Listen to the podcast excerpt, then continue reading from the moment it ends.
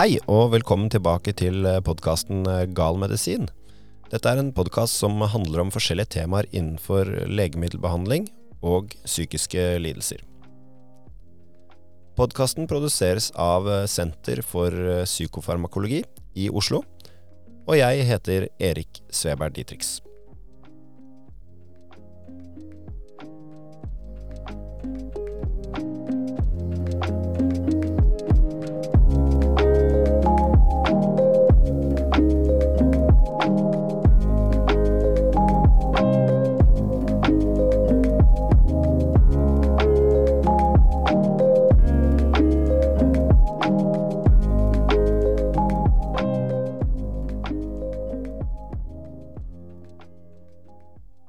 Leser du pakningsvedlegget som følger med medisinen du tar, så er det lett å bli litt svett.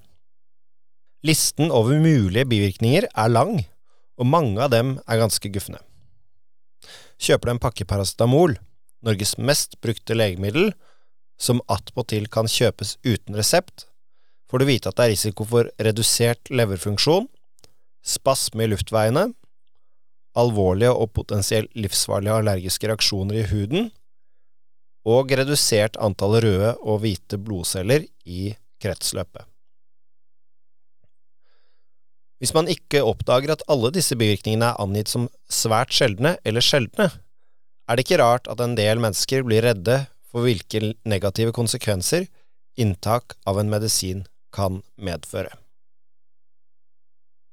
Paracetamol tolereres godt av de aller fleste i alle fall dersom man ikke har leversvikt eller andre tilstander som gir komplikasjoner av behandlingen.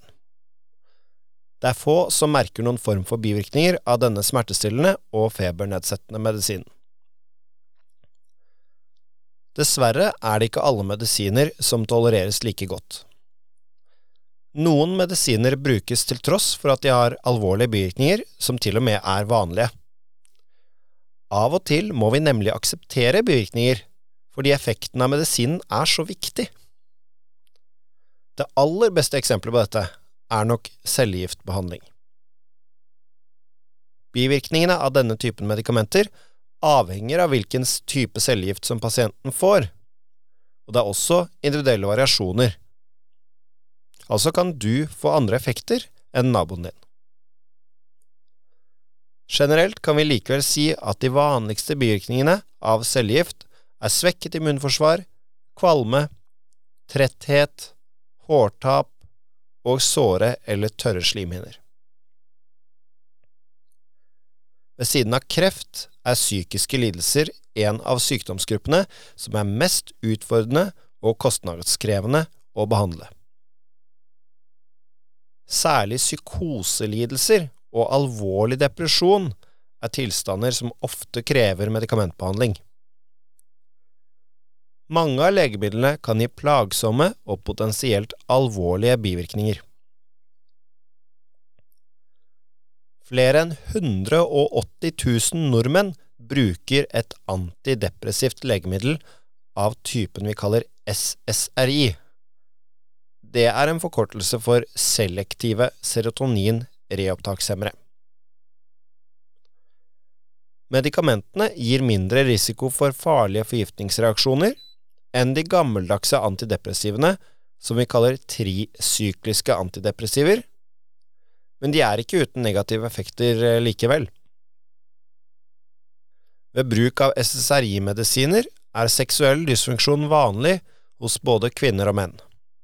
Mange blir plaget av følelsesavflating, og medikamentene kan også gi hjerterytmeforstyrrelser hos noen.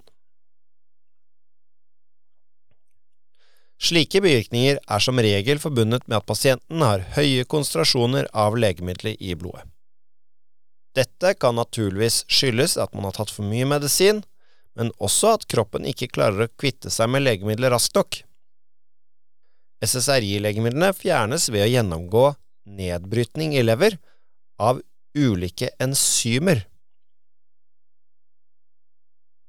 Dette er vanskelig, og veldig forenklet kan vi sammenligne enzymene med en slags avfallskverner som bryter ned store stoffer til mindre bestanddeler som nå blir mulig å fjerne fra kroppen gjennom urinen vår. Det finnes flere ulike varianter av genene som koder for disse enzymene, eller altså avfallskvernene, og bestemmer aktiviteten deres. Disse genene er dermed med på å bestemme hvor effektivt leveren vår bryter ned legemidlene, som for eksempel SSRI-antidepressiver. Dersom legemidlene fjernes raskt fra kroppen din ved at enzymene, eller altså avfallskvernene, er effektive, kan medisinene ha mindre effekt enn hos andre mennesker fordi det vil være lite av de virksomme stoffene i blodet ditt. Dersom nedbrytningen i stedet går tregt fordi at avfallskvernen, altså det aktuelle enzymet ditt, fungerer dårlig, risikerer du å få store mengder medisin i blodet siden legemiddelet fjernes saktere hos deg enn hos andre mennesker. Store mengder medisin i blodet kan gi bivirkninger av medisin.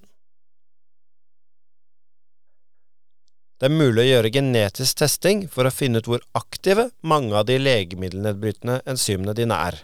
Dette er altså det samme som jeg har kalt avfallskverner. Derfor kan man få en indikasjon på om en vanlig dose av legemidler, som eksempel SSRI-antidepressiver, vil bli fjernet raskt eller sakte fra kroppen din gjennom nedbrytning i lever om pasienten, som i dette tilfellet er deg, står i fare for bivirkninger eller har liten effekt av en normal dose medisin. Nylig ble det publisert en artikkel i det internasjonale prestisjetidsskriftet The Lancet, som undersøkte om det er lurt å gjøre en genetisk test av de viktigste legemiddelnedbrytende enzymene til en pasient før man starter opp behandling med nye medisiner. Studien inkluderte nesten 7000 pasienter fra syv forskjellige europeiske land, og den undersøkte hva som skjer i løpet av de første tolv ukene etter oppstart med medisiner som ble brutt ned av disse enzymene, eller altså avfallskvernene, i lever, og som lot seg teste med en genetisk test. Halvparten av de inkluderte pasientene ble testet genetisk før de fikk legemiddelet, mens den andre halvparten ikke ble testet før medikamentbehandlingen ble startet. Hos gruppen som ble testet, ble valg av legemiddel og medikamentdose tilpasset pasientens genetiske test etter at den var klar fra laboratoriet. Deretter fulgte man altså opp pasienten i tolv uker, og resultatet var så interessant at det altså ble publisert i dette tidsskriftet, The Lancet, i februar.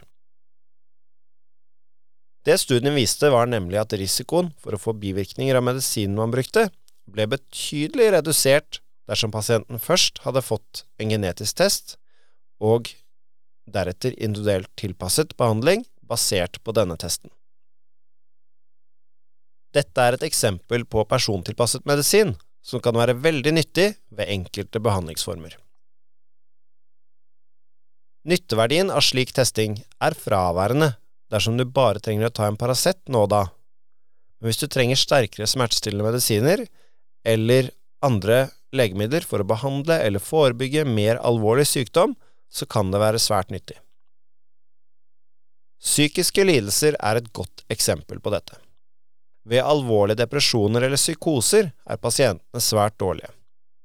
Samtidig er effekten av medisinene varierende, og de kan gi alvorlige bivirkninger. For at disse pasientene skal få best mulig effekt av behandlingen, og for at vi kan bedre livskvaliteten deres så mye som mulig, er det viktig å finne hvilke medikamenter og hvilken dose som passer best for den enkelte pasient. Til slutt et lite tillegg for de som er interessert, eller irritert, av min sammenligning av enzymer med avfallskverner. Virkeligheten er selvfølgelig ikke så enkel. Ikke engang når vi bare snakker om hvordan legemidler blir fjernet fra kroppen.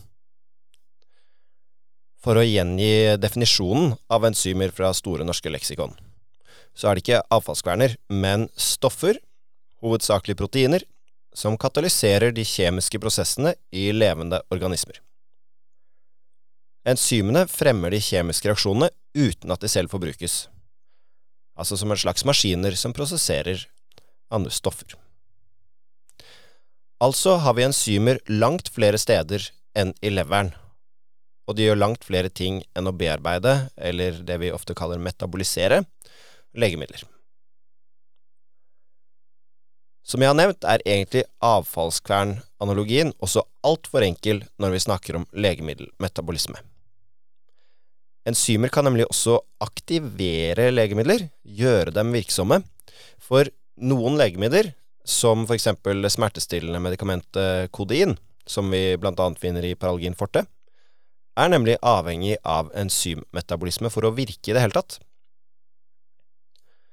Kodein omdannes i kroppen, i leveren altså, til det smertestillende stoffet morfin av enzymet SUP2D6. Og hvis du, som meg, har dårlig fungerende SUP2D6-enzymer på grunn av genetikken din, så virker sannsynligvis kodin dårlig i kroppen din, akkurat som det sannsynligvis virker dårlig i min kropp. Jeg har heldigvis sluppet å prøve sterke smertestillende ennå, sånn at eh, jeg har ikke selv erfart at kodin ikke virker i kroppen min. Men ved å gjøre en genetisk test så har jeg undersøkt SYP2D6-aktiviteten, og dermed funnet ut at uh, dette medikamentet ikke vil ha noe særlig god effekt på meg. Det er greit å vite i tilfelle jeg en gang skulle få så sterke smerter eller måtte opereres, slik at det er greit med smertestillende behandling som faktisk virker.